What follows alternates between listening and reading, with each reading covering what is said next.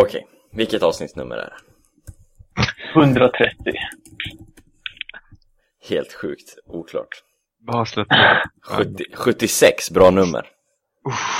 Det är ju 76. Jepes. Det är Jepes, det är. Shevchenko i comebackform och det är David, Fa- David Faxå på innebandyplanen. Alltså riktigt, u- riktigt uselt avsnitt vill jag säga. Jepes är inte usel. Ser vi ju nu. Nej, nej men Shevchenkos comeback och sen, eh, det var lite oklart hur bra du är. Du, jag var en stjärna på innebandyplan alltså. Eller, jag var, jag var bra på innebandy tills jag bytte lag och fick nummer 76. ja, exakt. Då var jag iskall. Men du bråkar ju säkert bara på planen då. Mm. Jag är Du är riktig... alltid arg. Ja, du är alltid arg också. Ja, ja. Ska vi köra? Kör.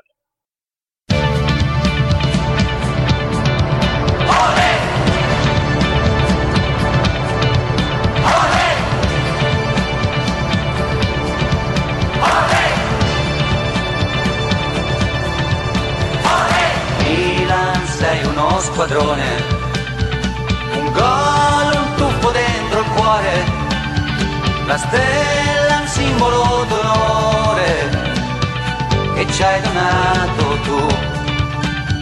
Sui campi lotte vinci sempre, se perdi non importa, non fa niente. San Siro un solo grido, un solo amore. Forza Milan, dacci il tricolore.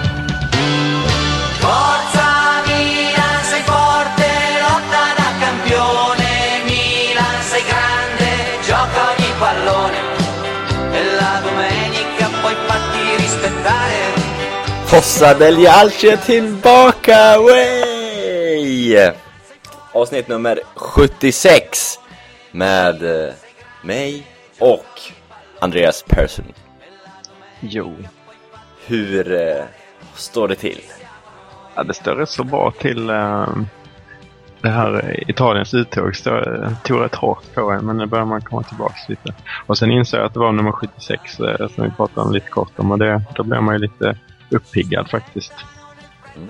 Mario Jepes tänker jag på. Mm. Jag tänker ju på Shevchenko i comebackform. Eh, Men Reza Mohammedi, du är vår gäst. Vad tänker du på 76? Jag tänker på David Faxon som spelade innebandy. ja, ja det är... Jag bar ju det med ära alltså. Numret. Eh, välkommen till den här podcasten Reza. Tack, väldigt kul att vara tillbaka. Vi fick ju önskemål från din vän eh, VM Sia. Eh, SVT VM Sia, Sia the Man. Kärt barn har många namn. Han skulle bara lyssna om det var du som var med i avsnittet. Så vi fick ju stryka våran ordinarie gäst och ta in dig helt enkelt. Jaså, så jag var inte första valet? Nej, jag driver. Det var dig som var Ja, första. okej. Ja, jag tänkte... Ja, eh, vi är nu tillbaks efter typ sex månaders uppehåll känns det som. Eller i alla fall några veckor. Eh, vad är förklaringen till det Andreas? Har vi någon sån förklaring? Nej, livet har väl varit lite i vägen. Mm. Helt enkelt. Livet alltså. Ja, sjukdom, flytt. Jag vet inte vad det var för ursäkt. Nej, jag har ju varit fullt tillgänglig. Det är ju, Ja. Jag har ju inväntat på ditt samtal till mig. Ja. Okej, jag tar på mig det. Ja, det är bra. Eh, vi ska snacka idag om VM såklart. Eh, vi tänker prata om Mercaton och vi tänker prata Pippo Inzaghi, ny tränare. Jag tror inte vi har pratat om honom i podden. Eh, som klar tränare i Milan. Så det blir dagens innehåll. Eh, och jag skrev upp lite fina rubriker jag tänkte inleda det här med. Jag tänkte säga Italien har blivit uppätna. Eh, Montari är utslagen. Och nu startar vi Fosse del Lasci avsnitt 76. Milan, Milan, corre va, più nessuno ti fermerà. Milan, Milan, mondo intero puoi conquistar. Ja, vad tycker ni vi ska börja prata om pojkar? Ska vi börja med VM? Det är mest aktuellt kanske. Det är väl det. Kör. Vi hade åtta spelare, Milan-spelare med i mästerskapet va? Från början. Eh, vill jag minnas. Och det är två stycken kvar nu. Nigel de Jong och Christian Zapata. Mm. De andra sex är utslagna, Andreas, och Italien kanske vi ju börja med. Eh, där vi hade tre stycken, De Chilio, Abate, Balotelli. Varför är Italien ute? Usch, alltså det är ju det är en kombination av allting. så, så riktigt tråkigt. Men eh, man kommer inte upp i den, eh, den standarden. Och det, som många andra europeiska lag har gjort. Och det har ju, har ju många redan pratat om. Men eh, klimatet är väl en eh, faktor som var betydligt större än många trodde på förhand. Det går liksom inte att, att komma ifrån det.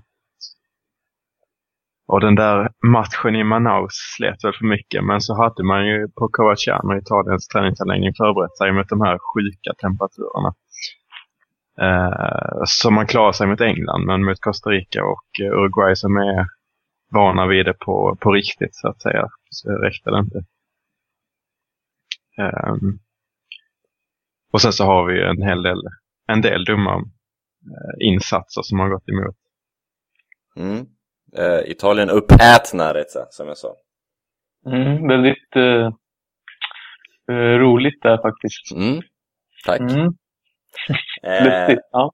Uruguay, det var där det sket sig i slutändan. Eller det sket sig för sig mot Costa Rica också, men det var mot Uruguay spiken i kistan kom, om vi ska säga så. Godin ännu en gång i en viktig match.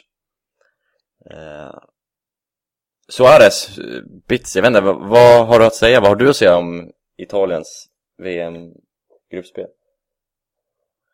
Ja, alltså det var ju inget, det, det var inte direkt uh, det Italien vi tänkte, alltså vi, när man såg den preliminära truppen till VM, eller när, man, när truppen, truppen var uttagen så kändes Italien på förhand som ett intressant lag. Många unga intressanta spelare som har gjort bra säsonger i ligan. Men sen sket ju sig, som du sa, allting i gruppspelet. Och alltså förklaringen till det, det är ju... Ja, det var ju många kombinationer som sagt, men eh, alltså jag vet inte, det kändes inte riktigt som att det fanns någon kemi i laget. Utan, eh, och sen har det ju varit lite så stökigt nu i efterhand också. Många som har gått till attack mot, indirekt mot Balotelli. Eh, bland annat De Rossi och Buffon. Så det kanske inte har varit så bra stämning i truppen heller. Och, eh, så jag, jag blev faktiskt ändå lite, alltså man är ändå van vid att Italien inte är på topp i gruppspelen direkt. Men nu kändes det som att de var så ovanligt dåliga och loja. Alltså, Okej, vädret och så, men det kändes så tafatt ändå. Det kändes inte som att man hade någon riktig spelidé. Eh, så alltså jag, blev, jag blev riktigt besviken faktiskt. Jag trodde Italien skulle ändå kunna ta sig vidare i den här gruppen. Men eh, som vi har märkt så händer ju väldigt konstiga saker i det här VMet. Mm. Jag tro- Jag trodde man skulle vinna faktiskt alltså, relativt enkelt mot Costa Rica. Även fast de gjorde en bra match mot Uruguay så tänkte jag att Italien ändå borde nog kunna ta det. I alla fall få med sig ett oavgjort resultat eller någonting. Men, eh, ja, sen gick det ju som det gick. Eh, Alltså Costa, själva. Costa Rica trodde jag ändå på förhand. Jag trodde inte att de skulle gå vidare i gruppen, men jag trodde att de skulle vara mycket svårare än folk trodde för att det är ett jävla bra lag. Och Navas, eh, även om jag inte följer honom i spanska ligan så vet jag att han har presterat fruktansvärt bra där.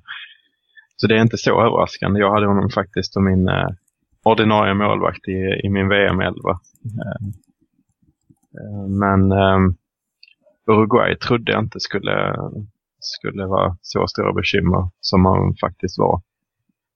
Det såg, eh, jag kan hålla med om att det såg väldigt lågt ut, framförallt mot Costa Rica kanske, men då kan man också tänka att när Costa Rica hade 1-0 så, så är det klart att Italien ville kvittera, men man ville också hålla, hålla siffrorna nere, för hade Costa Rica fått in 2-0 så hade Uruguay haft eh, fördel då i, eh, i målskillnaden, vilket gjorde att man inte hade kunnat spela på kryss i sista matchen. Mm. Eh, Så att det var väl förklaringen till att man inte gick fullt ut i den matchen. Utöver då att det var fruktansvärt varmt och fruktansvärt hög luftfuktighet. Det är många, eller flera spelare som har rapporterats ha hallucinationer och sånt i samband med matchen. Och så, så att det, det har ju tagit på dem. Mm. Alltså, det, jag stör, det jag stör mig mest på i efterhand är att visst, Costa Rica var ju riktigt bra. Men Uruguay var ju inte direkt speciellt bra. Ändå så tar de sig vidare. Alltså, de var ju usla mot Costa Rica. Gjorde en okej match mot England. Det var ju mest Luis Suarez där. Och så var det ju den där, den där tillfälligheten där vid andra målet. Mm. Och sen mot Italien gör de inte heller en speciellt bra, alltså imponerande match. Ändå så tar de sig vidare. Det är det jag irriterar mig på. Okej, okay, Uruguay hade varit riktigt bra, men de var ju inte så. Nej. Nej, och speciellt utan uh, Suarez är ju inte Uruguay speciellt mycket. Jag tror inte de har någon vidare chans mot Colombia nu i, uh, åttondelen. Nej. Nej. Eh, om vi kollar mer på Milan-spelarna specifikt då. Vi börjar i bokstavsordning. Abate fick spela en match mot Costa Rica. Det var ingen höjdare va? Nej, det var ingen vidare match. Uh, han, han, har inte sett, han har inte direkt varit på topp senaste året och såg inte direkt bättre ut i landslaget heller. Så, ja. Det ryktas ju att PSG vill slänga iväg en eh, 7, 8, 9 miljoner för honom. Är det ju bara att casha in, tycker jag. Ja. Vi kan ju Ja. istället då plocka in eh, en annan Milan-produkt som var bättre i den här, eh, det här Där. mästerskapet. Där, där. Han, eh, det, det tycker jag ändå man kan nämna för det har ju inte, det har ju inte lyfts fram att det, alla ytterbackar är skolade i Milan i det här italienska. Sen så gick det inte så bra men just eh, De Chilio och Darmian, de avgjorde ingenting men det brukar man inte göra som, som ytterback. Så det är ändå någonting att ta med sig. Mm. Eh, De Chilio var inne på, han spelade också en match, gjorde inget större avtryck. Kanske inte så mycket värt att kommentera, mer än att han är underbart stor, den killen. Men Balotelli gjorde avtryck. Mm. Du var inne på det, Reza. Eh, han fick skit indirekt av De Rossi Buffon.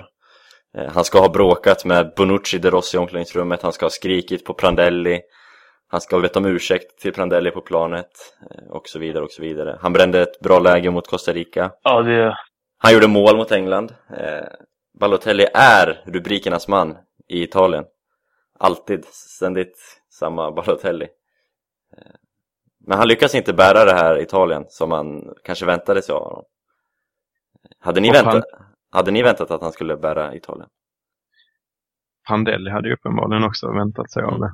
Eh, han la ju väldigt mycket i, hans eh, händer så att säga. Jag hade ju gärna sett att Balotelli inte spelar mot Uruguay eh, och kört Immobile Cherchi istället från start. Eftersom man hade krysset att spela på och de har ett rätt gott samarbete och bra på kontra och så vidare.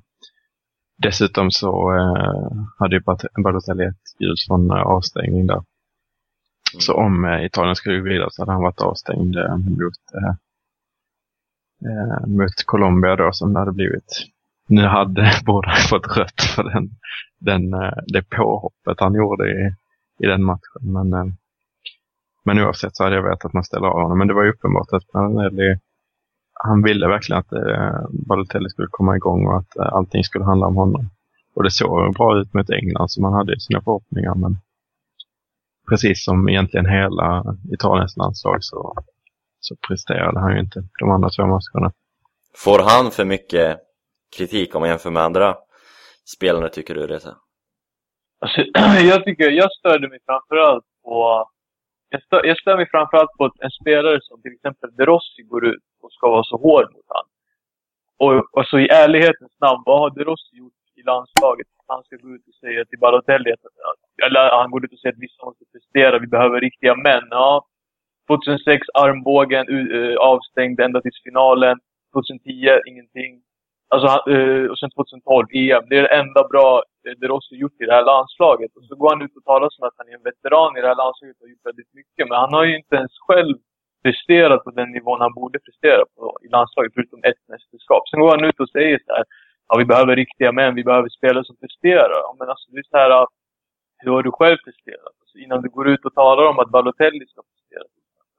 Mm. Alltså, jag tycker inte han har rätt. Okej, Buffon kan göra det, men jag tycker inte att De Rossi har befogenhet att gå ut och kritisera honom när han själv inte har gjort så stort väsen av sig i det här landslaget. Det fann en eh, bra poäng. Jag tänkte inte på det. För man har bilden nu av De Rossi som var så, han var ju riktigt, riktigt bra i EM. Men eh, innan det så har han faktiskt inte presterat. Balotelli var ju bra i EM också. Ja, exakt. Han Ja. var ju också bra. Han tog ju laget till final där, alltså, mot Tyskland. Alltså, det är liksom, Jag tycker inte riktigt han har riktigt... Okej okay, att Buffon går ut, ja. Mm. men att De Rossi ska gå ut och liksom som att han själv är någon... Eh, som att han har högpresterat i det här lands, landslaget sedan ja, jag vet inte, han började debutera. Det är inte riktigt så det är. Eh, jag tycker inte han riktigt kan gå ut och kritisera honom som han gör där. Då. Mm. Sen kanske det inte är lägligt eller att gå ut och göra sådär heller. Det är, liksom, det är ett helt lag som bär ansvar Okej, visst, Balotelli jo, det har gjort sina grejer, han har missat, han har gjort det. Men det är väldigt många andra som också bär ett ansvar för det här. Mm. Men det, det är väldigt mycket blir att Balotelli får ju ta mycket skit. Mm. Och eh, det, är- det är lite synd att det ska vara så där. Utan de borde ju kanske stötta han istället. Mm. Alltså det är ju både och för du har ju också den eh, att han inte har fullt fot. Han kämpar ju inte så som alla andra, eller många andra gör. Som De Rossi gör till exempel. Han har inte, eh, han har väldigt mycket fokus på annat. Liksom den här med att han går i och, eh, och friar och, och har sig liksom precis innan. Och det rapporteras att många i spelartruppen är irriterade av honom för han har lagt väldigt mycket tid med fan. Jag har inte fokuserat så mycket på spelet och sådär. Ehm, jag vet inte, han känns rätt så omogen. Ehm, men man förstår ju också hans sida. Han, eh, Eh, den här gången så har han liksom inte gjort någonting sjukt. Det är den tacklingen, eh, eller det hoppet. Han kommer ju fruktansvärt högt upp i luften mot eh, duellen med, med Uruguay när han får gult kort. Eh, trodde inte han hade den spänsten, men det är ju rött kort där. Eh, men annars så har han inte gjort något. Han har inte ballat ur så som han har gjort tidigare. Eh, och det ville han lyfta fram då att eh, då borde han inte bli kritiserad eftersom han höll sig i skinnet så.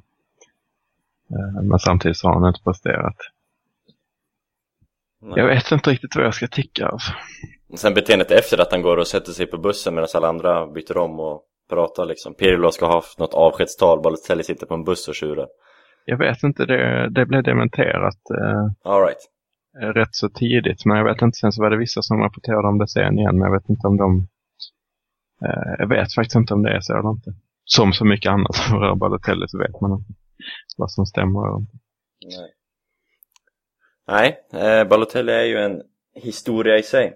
Eh, one man show. Lite, även om han inte riktigt... Han gör inte så mycket för att förtjäna den, men media gör ju honom till en one man show. Kanske. Mm. Någon som däremot gör sig själv till en one man show, det är ju Suley Montari. Eh, Jag sitter där och kikar upp, kikar upp på väggen på min Montari-tröja som hänger där. För fetisch du har fått för honom? Ja, fast den är... Ja, ingenstans vet jag inte. Jag har alltid gillat honom. Sen, Ja, men nu är det extra mycket. ja, men vi, efter tröjköpet så...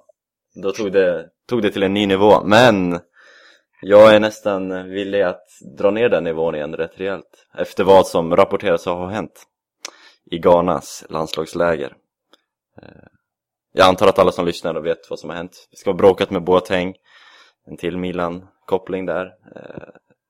Ja, slagit, sagt dumma grejer med någon ledare, hånat förbundskapten, jag vet inte riktigt vad de gjorde. Eh, Men utskickad blev han eh, timmar inför matchen i alla fall. Och då ska han ju gått bananas med och enligt uppgifter jagat någon med någon halv glasflaska.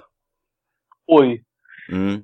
Eh, Ja. någon ledare där, eller någon förbundssnubbe. Eh, med en krossad glasflaska, sägs det. Mm. Finns väl inga bilder eller videobevis på det, men om det stämmer så är det ju sjukt beteende.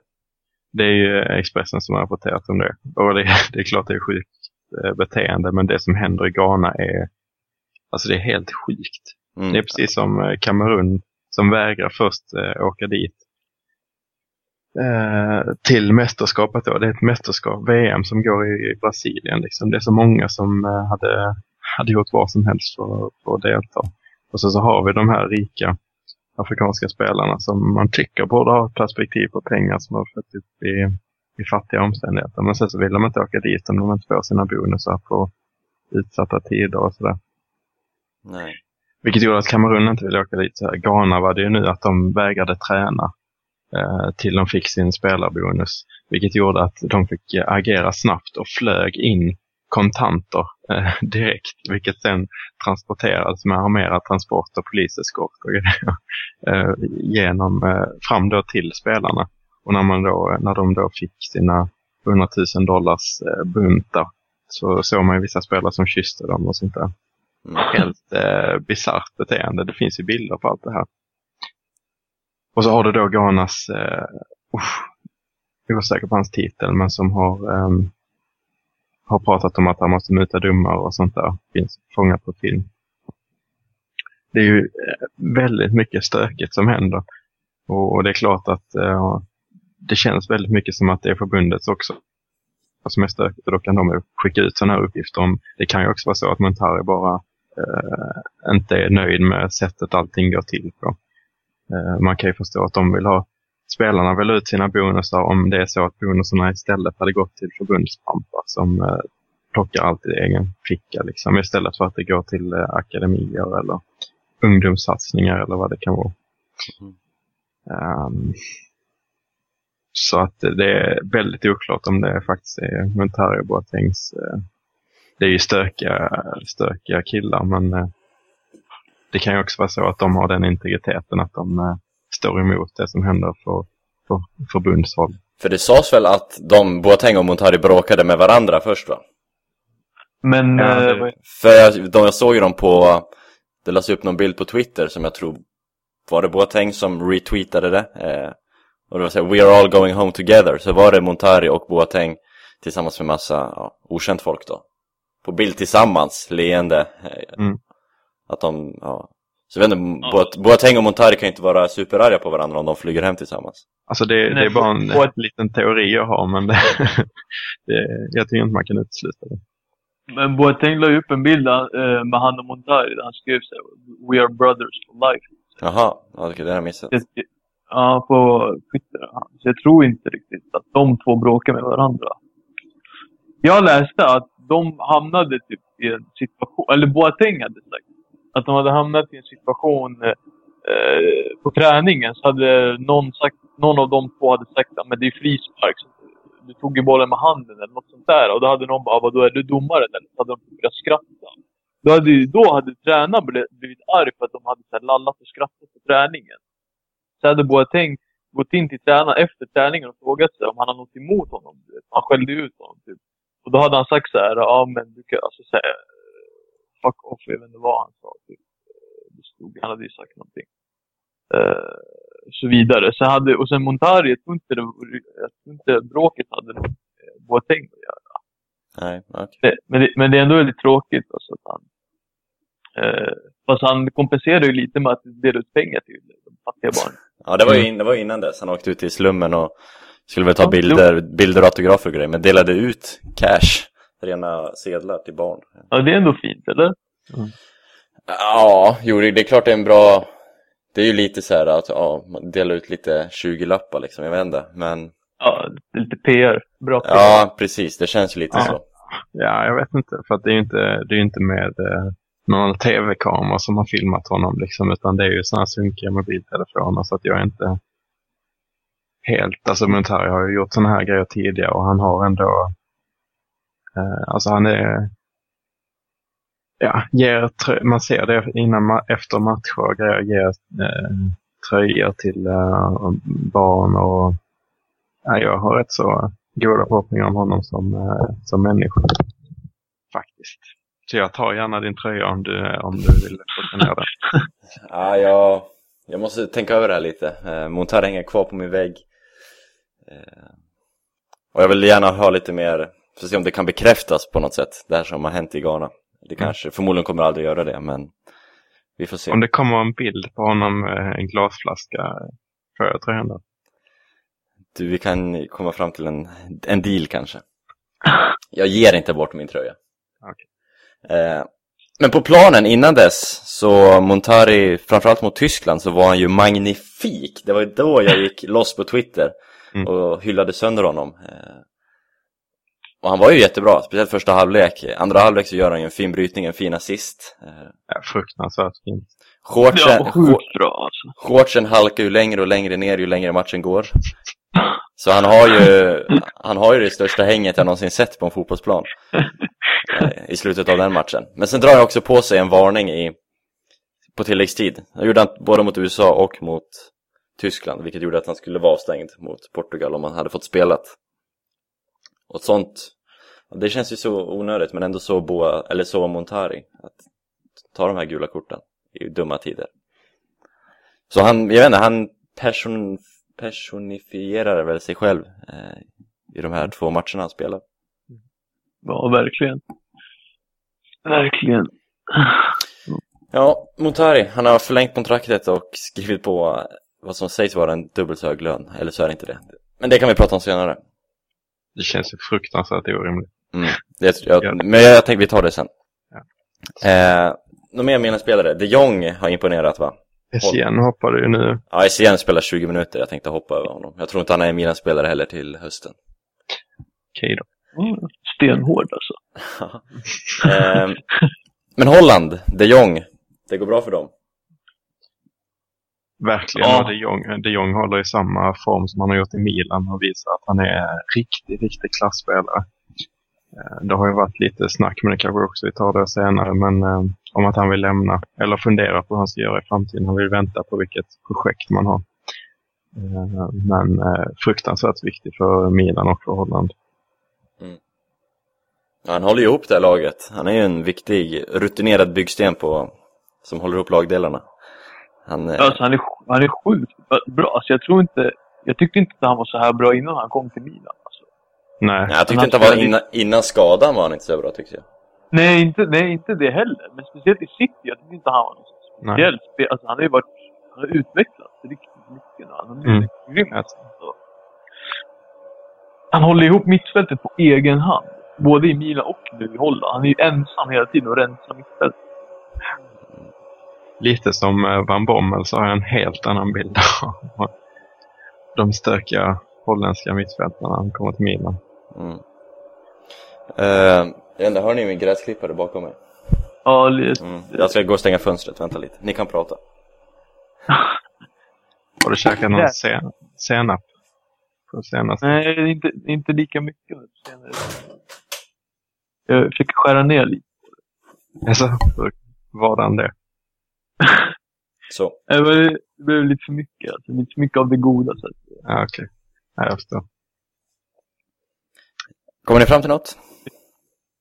Nej, vill ja, vi pratade bara om att jag, jag har dragit ner på senapen lite. All right. Eh, Zapata, eh, nästa man i listan. Det går bra för honom också. Och Han har ju spelat som... Eh, han, är ju, han är ju värd titeln Sexpata. tycker jag. Han har ju varit riktigt, han har varit riktigt, riktigt bra i... eh, han och Jepes har ju varit hur bra som helst. det är en fin backlinje de har, eller Ital- Ja. Serie A-klingande. Eller hela laget Ja, i och för sig, men... Alltså, Zapata, Zapata är inte så dålig som folk vill få honom att vara. Alltså, ha, om man har ett, ett lag med så stabil försvar och liksom... Då ser man ju hur bra han är. Han har ju varit hur bra som helst nu. Mm. I eh, Colombia. Och Jepes visste ju, eller Jepes, vad pratar jag om Jepes? Ja just det, tröjnumret. Men, eh, men Zapata, alltså han har ju varit, jag tycker jag, han har varit riktigt bra. Alltså, jag har fortfarande, jag har hopp om att Zapata ska Mm. kunna bli en, alltså en, en, en klippa i Milan. Mm. Ja, jag förstår. behöver- Klippa. Alltså, ja men alltså, alltså, man ser ju att han har, han har ju väldigt bra egenskaper för att kunna Ja. bli en Thiago Silva 0.5 liksom. En downgrade.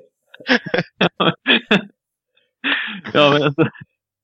Ja men ni fattar vad jag menar. Det är ju, han är ju snabb, han är brytsäker och sen när han har en bra, han har bra liksom, organisation i laget så märks det att han, eh, han är ingen dålig spelare.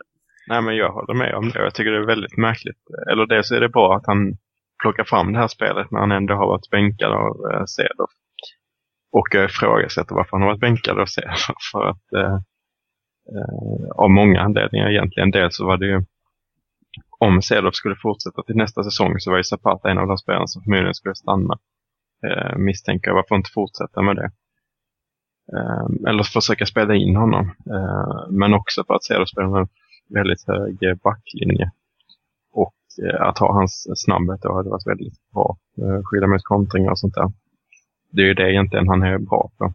Det känns ju som, om man kollar på det här mästerskapet så Alex är väl lite, som nu är klar, lite, eller Jepes lik och kanske skulle kunna komple komple komplettera Zapata bra.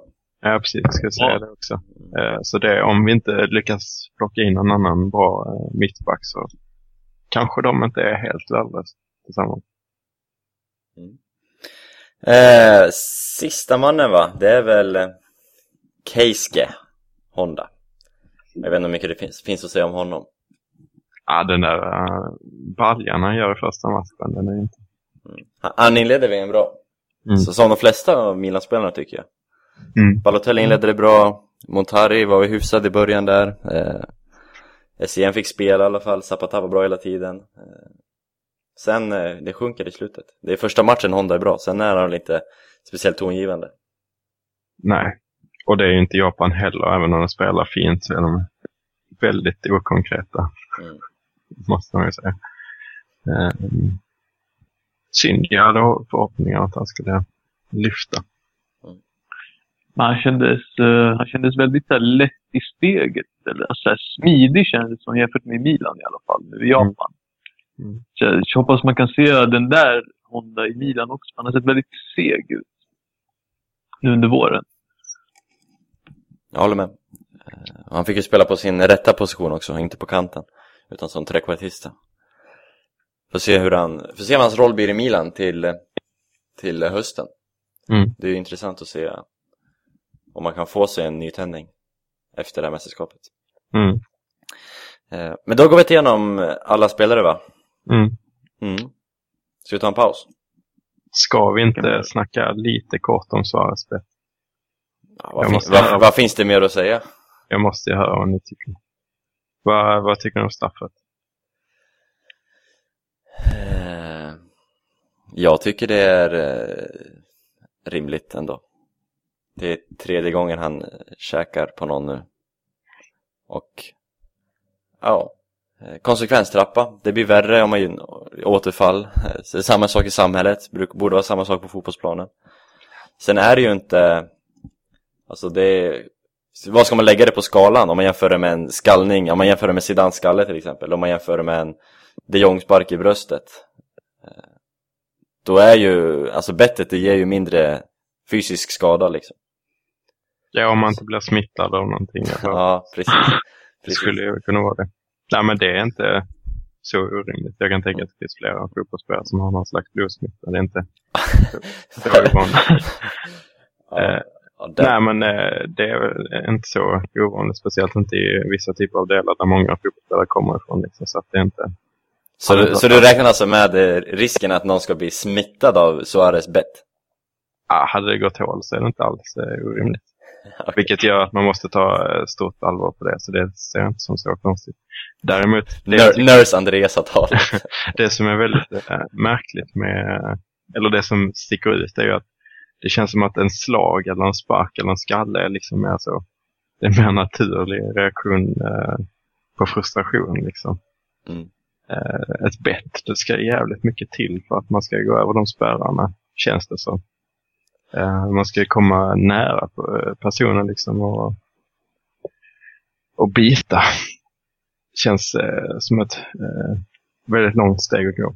Men samtidigt så straffet är ju att Fifa tar sig befogenhet till att liksom, det är ett DASP man utfärdar. Eh, som man pratar om i Italien, eh, som Ultra stängs av. Att man, får, man får inte närvara vid någon slags fotbollsevenemang på fyra månader. Jag tycker alltså att han blir avstängd från Liverpool kan jag köpa, men jag tycker, eh, eftersom det är personligt straff, eh, Fifa är högsta hönset. Men att han inte får gå på fotboll, att han inte får träna fotboll, eh, det tycker jag väl är lite överdrivet. Ja, att de har, tar sig den befogenheten tycker jag är väldigt märkligt faktiskt. Det Ja. Och som sagt, då får, man, då får man ju ställa det mot andra. Visst, anledningen till att det här är så, är så hemskt är ju för att eh, det är så många som ser det. Eh, och det är så många barn som kollar på det. Man har sett bilder på många Suarez, eh, barn med Suarez-tröjor som tittar upp på liksom, de här, den här sekvensen. Men samtidigt, hur mycket värre är det då än skallen som Zidane gör? Det är väl fler, fler barn som bar Zidane-tröja kan jag tänka mig nästan. Ja, det får man ju hoppas i alla fall. Eh, men eh, så det, det är svårt. Jag tycker, då kan man ju tycka att det är väldigt långt. Jag menar, vad fick eh, Zidane var visserligen klar med sin karriär, men han fick lite samhällstjänster för mig och lite böter. Mm. Eh, Så på så vis är det väldigt hårt. Jag tycker definitivt att Suarez ska få någon form av psykologisk hjälp. För det är ju, han måste ju Ja. ha någon, något form av fel. Man bits ju inte tre gånger. Nej, alltså det tycker jag är väldigt viktigt att, att lyfta fram. Det är inte så att han är en hemsk människa eller ett monster eller så, utan det är ju något slags eh, problem man har, någon sjukdom man har. Mm. Men eh, det är inte så att man kan tvinga någon att ta, söka hjälp för det heller, utan eh, han har blivit erbjudande sist. Jag kommer ihåg, jag läst från, eh, från när det hände i Liverpool senast, så fick han ju mycket hjälp. Det var psykologuttag, eller han fick förslag om att få hjälp. Eh, men han tackade väl nej till det. Någon psykolog eh, sa då att han kommer göra det igen om fem, inom fem år. Liksom. Man kan, man kan ju när man döms i civila brott så kan man ju dömas till psykhjälp. Absolut, men det ska rätt mycket, det ska vara allvarligt. Ja, bekymmer man har då. det är klart. Eh, så um, ja, det är väldigt svårt. Sen så kan, måste man ju lyfta in parametrarna att det är Chiellini Ambit. Mm. Det förtjänar han.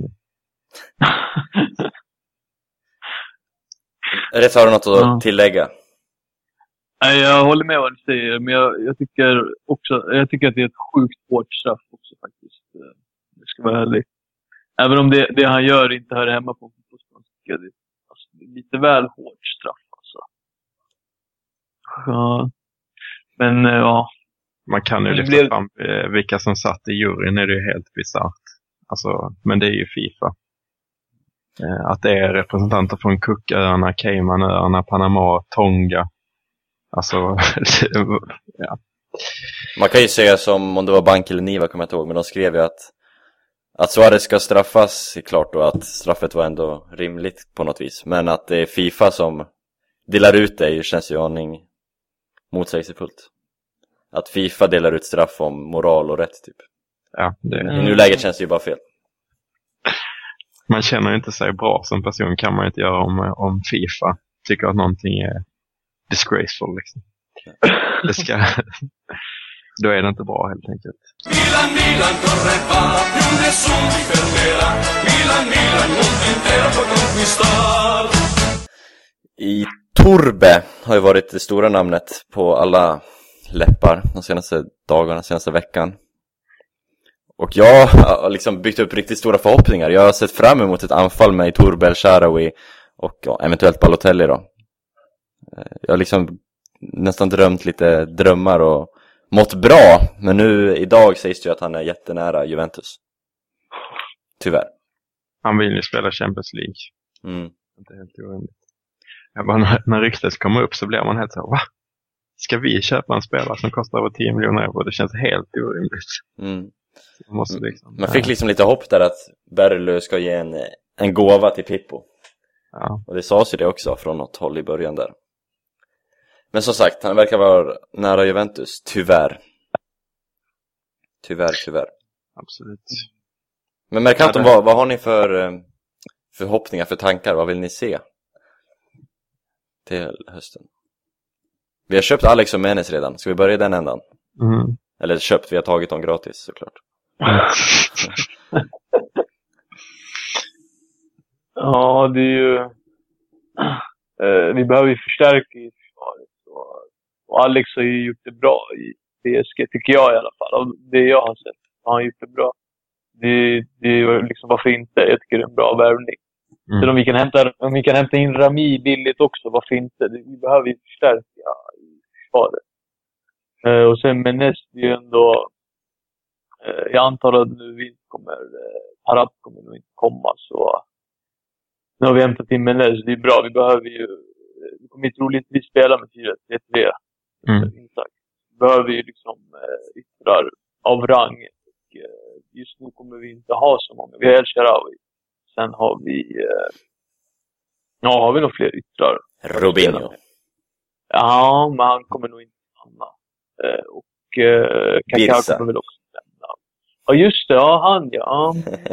Jag tror jag är lite tveksam till det där också. Alltså, vi, har, vi har ju inga riktiga så här, yttrar för den där 4-3-3-uppställningen som jag tror att Jag vill, ju, jag vill ju hävda att Balotelli ska spela som ytter där, men vi får ju se hur Inzaghi förhåller sig till det. Och en Niang skulle kunna komma tillbaka också. absolut. Ja, Niang. Ja, jag tror du sa Yang. Bara, ja. Nej, Niang. Ja, men vi behöver ju, alltså, vi, det man behöver först eh, rätta ut, det är liksom hur ska vi spela, vad vill, vad vill, vad är det för uppställning vi ska köra på. Och sen börja handla de spelarna som Inzaghi tycker passar in i hans. För jag hoppas att de utgår ifrån vad han vill ha och inte börja gå efter de här, eh, i all ära Walter Birsa och kompani. Eh, såklart, vi kan, nu verkar det ju som att vi har lite pengar att röra oss med också. Annars skulle vi väl inte vara intresserade av att punga upp typ 20 millar för. Vi borde ju ha pengar. Tror jag hoppas jag. Så, Det beror, beror mycket på om vi lyckas eh, släppa loss eh, Kaká till exempel. Ja, men jag tror inte det kommer bli så svårt. Alltså, de verkar vara jättesugna på honom Ja. där i USA. Så. Nej, den Ja. verkar lösa sig. Ja. Och Robinho, alltså en billig slant. Bara han, bara han lämnar liksom. Jag tror Milan kan, jag tror Milan eh, nästan vill släppa honom gratis, Robinho alltså. Ja. Nu verkar det nästan, det kommer ju nästan bli så. Vi kommer typ, jag tror vi kommer få kanske max 3-4 miljoner på honom. Det är lite synd. Vi borde ha fått lite mer för honom. Mm. Vi hade sålt honom lite tidigare. Men eh, ja, vi kommer ju sälja honom för ett relativt lågt pris. Och sen Kaká kommer ju gå också. Och sen, och sen kommer vi ha lite så spelare som är lite osäkert om de stannar eller inte. Liksom Matri, ska han stanna? Eller om han stannar, vad händer, vad händer med Pazzini? Alltså det, är liksom, det är lite oklart just nu för mig i alla fall hur det kommer se ut. Eh, Och sen eh, hur det blir med mittfältet. Så det, det, det har varit lite så tyst runt omkring Mercato hittills och hur vi kommer spela och så vidare. Alltså det blir intressant att se när VM är slut, hur det kommer, om det kommer ta fart. Eh, sen, vet du, ja, backlinjen får vi se också hur vi kommer spela. Eh, om vi kör på... Eh, nu läser jag att Emanuelsson kommer ju lämna.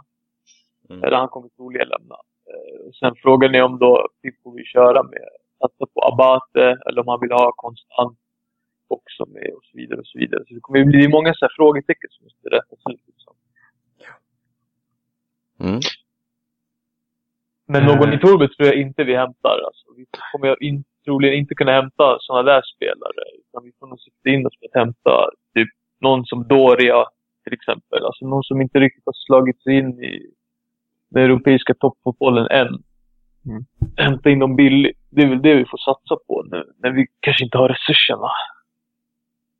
Alltså man hade ju hoppats, det hade varit bra byte att släppa Kakao och Robinhos lön och sen så plocka in i Turbe då för de pengarna och sen så eh, hans lön verkar väl vara på en och en halv miljon eller något sånt där. Så det hade ju varit optimalt men eh, och spännande att plocka in en sån spelare men det verkar inte som det blir så. Jag vill ju eh, om, eh, om PSG vill ha Abate så vill jag först och främst släppa iväg honom dit. Eh, och då släppa de här brassarna också. Kaká är väldigt tacksam för den säsongen han gjorde den här. Eh, men nu känns det väl som att det är dags att lämna. Så lämnar han ändå på någon slags eh, halvtopp i alla fall. Mm. Eh, han skänkte oss ändå rätt så många mål och, och minne den här säsongen. Men eh, att plocka in Darmian där hade inte varit eh, helt fel. Eh, och ha Duchilio Darmian som alltså mittbackar. Med Alex eh, så säger jag att vi har honom och Zapata då så ska vi nöja oss där eh, i backlinjen. Går vi fram till mittfältet som är, eh, där är ju frågan hur Honda ska, ska lyckas eh, platsa in där. Om han kan eh, lyckas passa in för ett eh, 4-3-3. Han får inte, ja, jag vet inte vad han ska spela. Det känns inte som att han kan spela på en kant eh, framåt. Utan då får det i så fall vara på det centrala mittfältet kanske. Eh, och sen så måste vi då, beroende på Hondas position, han kanske ska gå in och ta Montelivos roll. Men om han inte gör det så måste vi ta en ersättare på Montelivo som är borta till, eh, vad blir det, jul? Ja, något sånt. Ja, November i alla fall, december. Ja. Det måste man ju lösa på något sätt, även om jag tycker att vi har kapabla centrala mittfältare. Det är så svårt för att jag tycker att alla håller en rätt så jämn nivå, men, men eh, så ska man värva så ska man egentligen värva någon riktigt, riktigt bra spelare, känns som, för att höja kvaliteten. Mm. Eh, alltså Montari, Polly, de Jong är ju en annan kvalitet, men, men eh, det känns ju som att vi har spelare redan som är kapabla. Vi behöver någon, vi behöver toppspelare helt enkelt. Um, Tror ni Cristante kan fylla en Montolivo-lucka? Är det här dags för honom nu? Pippo, har ju- Pippo har ju sett honom, men han har ju varit med i Primavera-laget även den här säsongen. precis, det är en intressant fråga. Och frågan är, det kanske finns andra alternativ också som kommer plockas upp från Primavera. Eh, I och med att det är Pippo. Mm, precis.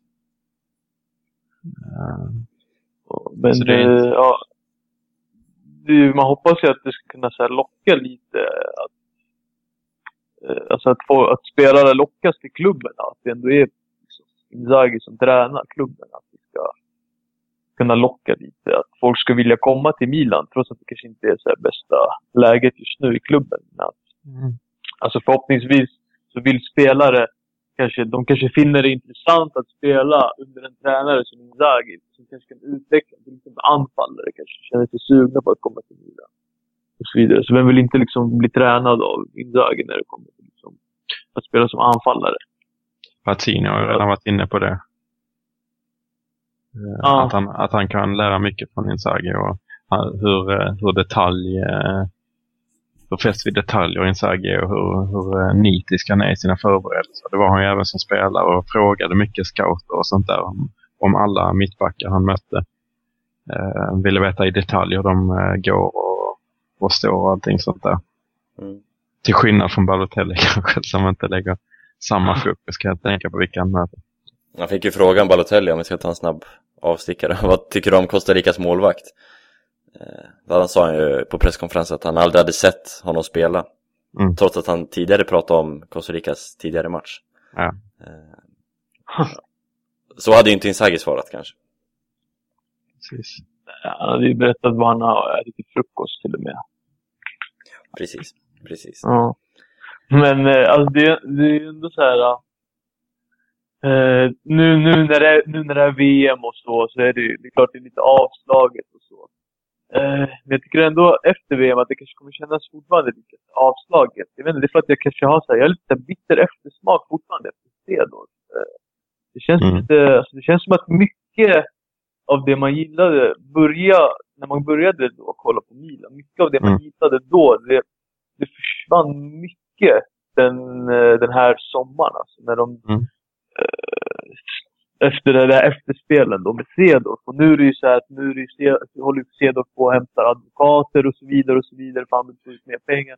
Alltså Mm. det här är ju bara en stor såpa och det här är ju det här är ju inte värdigt Milan. Och det, jag har fortfarande lite bitter eftersmak. Alltså hur allt det Cedorf är fortfarande tränare och det enda man hör är så här, ja Inzaghi vill ha så här, Inzaghi vill ha så här. Och, de, och Cedorf är fortfarande officiell tränare. Det kändes bara så stökigt alltså. Mm. Kändes ovärdigt. eh. Så jag är fortfarande lite så här, ah, alltså, mycket av, alltså mycket av det här Milan som stod, Milan stod för tidigare, det, har, det försvann lite nu under sommaren. Så.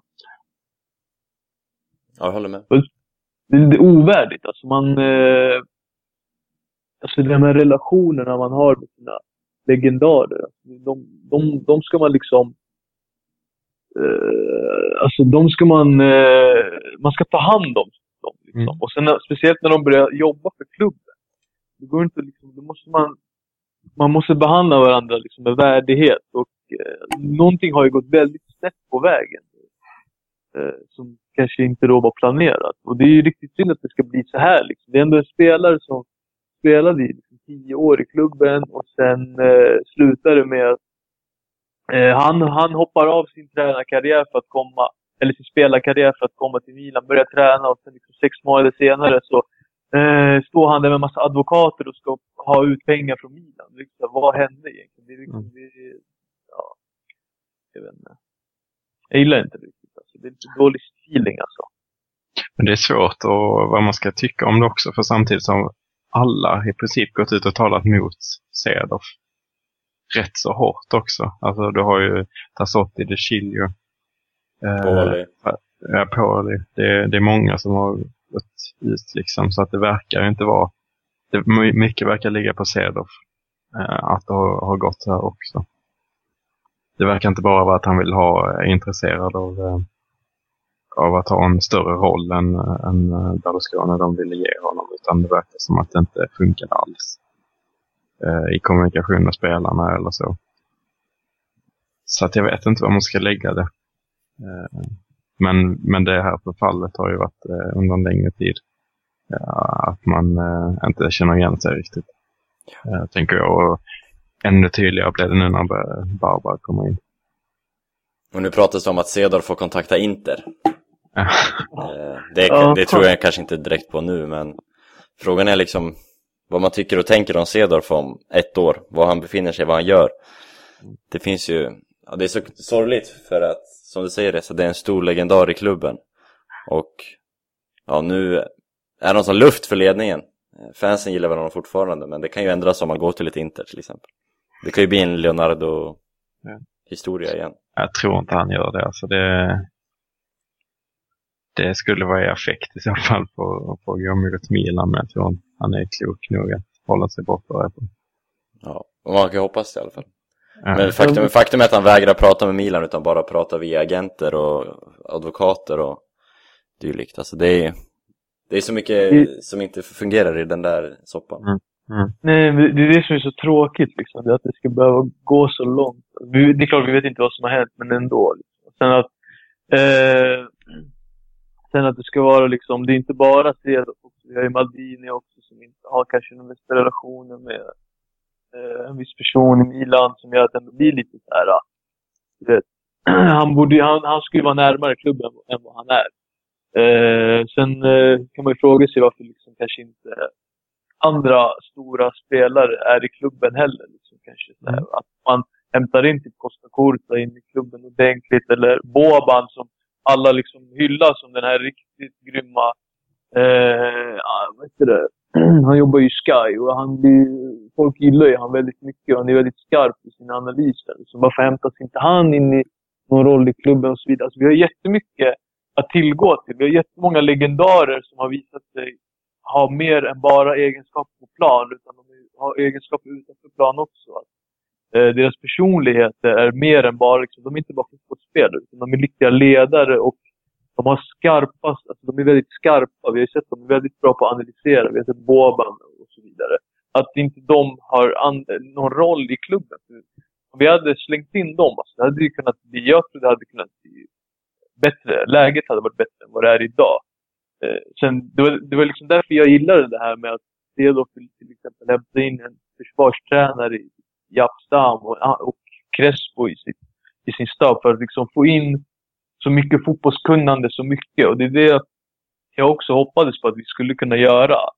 Eh, men sen nu verkar det inte bli så, utan nu går vi, vi, går ju en annan väg just nu. Det är inte så mycket att göra åt det. Barbara kommer in och så vidare. Men eh, det är lite synd att vi inte liksom utnyttjar de här legendarerna vi ändå har. Visst är det så, visst är det så. Eh, kom ifrån lite Mercaton, men det är ju ändå bra, bra snack. Vi skulle prata Inzaghi, vi skulle prata Cedorf tänkte jag, så det är ju det är ändå bra. Eh, men jag vet inte, vad tycker ni? Ja, nej, jag vet inte vad jag ska säga riktigt. Eh, Ska vi fortsätta på Mercaton så finns det ju uh, Mustafi också som har nämnts. Som har mm, presterat bra i VM. ja, hyfsat i alla fall. Han blev inbytt någon match och tappade... Tapp, var det mot Ghana va? Han, fast för sig, han förlorade en nickduell, jag vet inte hur mycket man ska skylla, skylla honom på det. Han har gjort det hyfsat i VM, måste man säga. Precis. Så att eh, ja, det ryktas ju om eh, försvarsförstärkningar och även ersättare till, eh, till eh, Ambate som eventuellt blir så- såld. Då. Så att det är ju någonting som jag kan eh, eh, gilla verkligen. Mm. Um, någonting som vi måste nämna i, i det här som, som är positivt i, eh, i allt eh, som har med transfers att göra är ju, är ju att vi har plockat in eh, ah, nu tappar jag namnet på honom.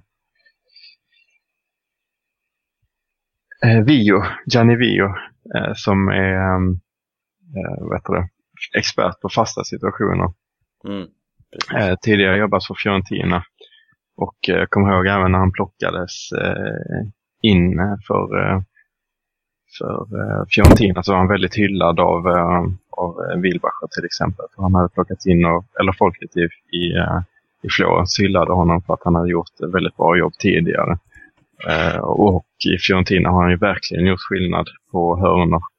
Eh, om man jämför deras resultat på, på fasta situationer generellt, men hörnor insläppta och eh, gjorda framåt, så är det en enorm skillnad. Eh, så jag kommer ihåg det att eh, Inzaghi frågade efter honom. Eh, om ledningen kunde plocka in honom och jag liksom visst, det vill jag också. Det kändes extremt orealistiskt då. Varför Fiorentina skulle släppa honom. Men nu är han här och det känns eh, riktigt bra. Det, eh, alltså hur många, hur många poäng extra blir det på en säsong? Det kan bli tvåsiffrigt liksom, så de kan göra den skillnaden. Vi släpper in fruktansvärt mycket på fasta nu, eller på hörnor nu. Och vi gör ingenting framåt trots att vi har eh, relativt bra spelare. Så med Alex och kanske Rami nästa säsong, eh, Pazzini etc. så kan det bli riktigt bra. En annan i sånt ledar, ledarstaben vi har tagit tillbaks är ju, vet heter han Tognacci? Ja men nu, ah, ja. Ja. Nu, nu försöker jag andas in optimism. Mm. Ja, så försöker jag komma här tillbaka och punktera det lite. Eh, Det är ju fitnesstränare, fitnesscoach som var med under Allegri i början där när Zlatan spelade. Och som, ja, många beskyller ju för alla de här muskelskadorna Milan hade. Han försvann ju och Milans skador blev färre och nu är han tillbaks. Ja, det här kommer, ja, oj. Åh, det här kan bli en riktigt mardrömssäsong alltså.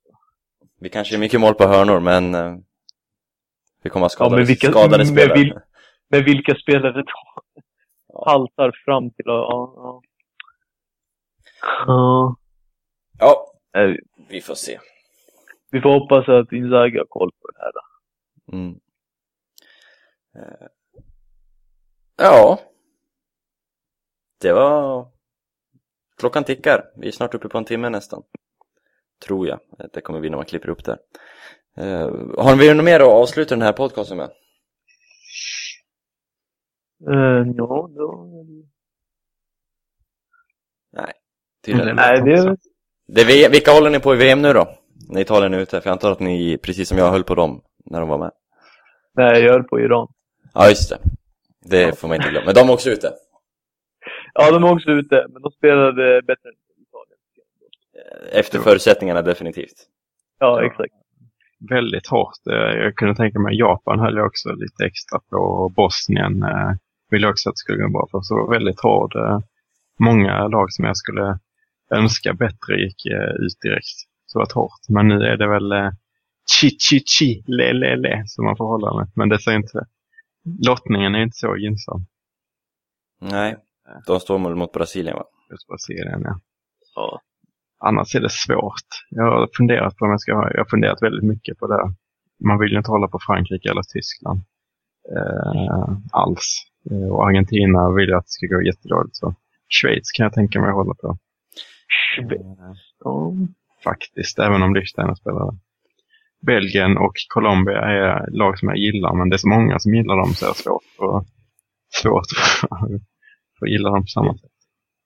Jag gillade Belgien innan VM drog igång. Men Ja. nu har de, jag tycker de har blivit ett riktigt tråklag i detta VM. Jag är lite, så här, ja.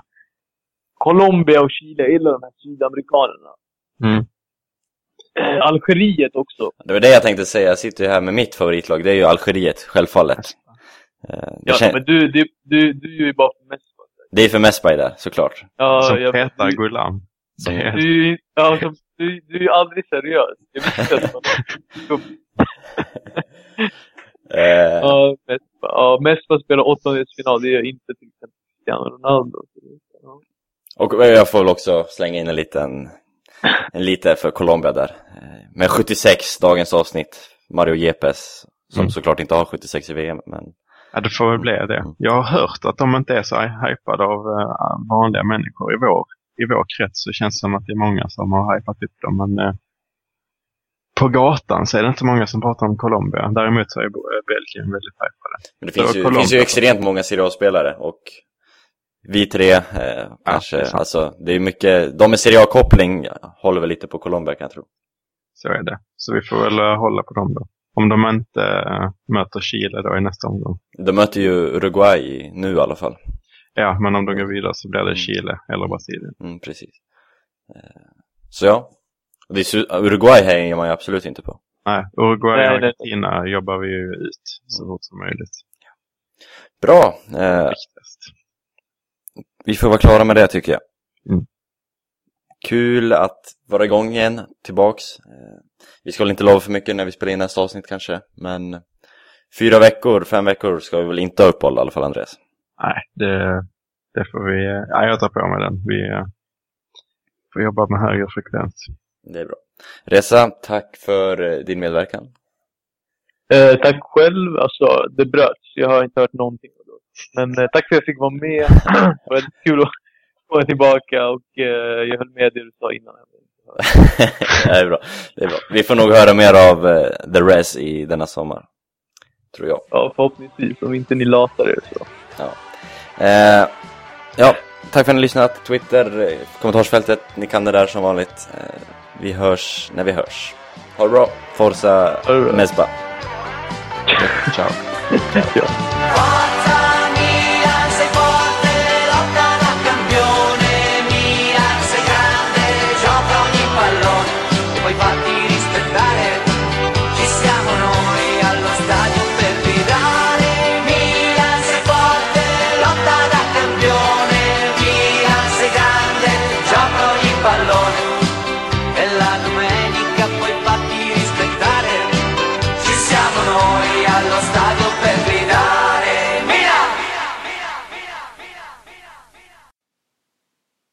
Hej allesammans! Eh, om ni är vana vid att lyssna på Fossa Dalci så kanske ni noterade att det saknades programpunkterna Onfax Perilfax, Veckans Ost och nu när Resa var med även Veckans Senap.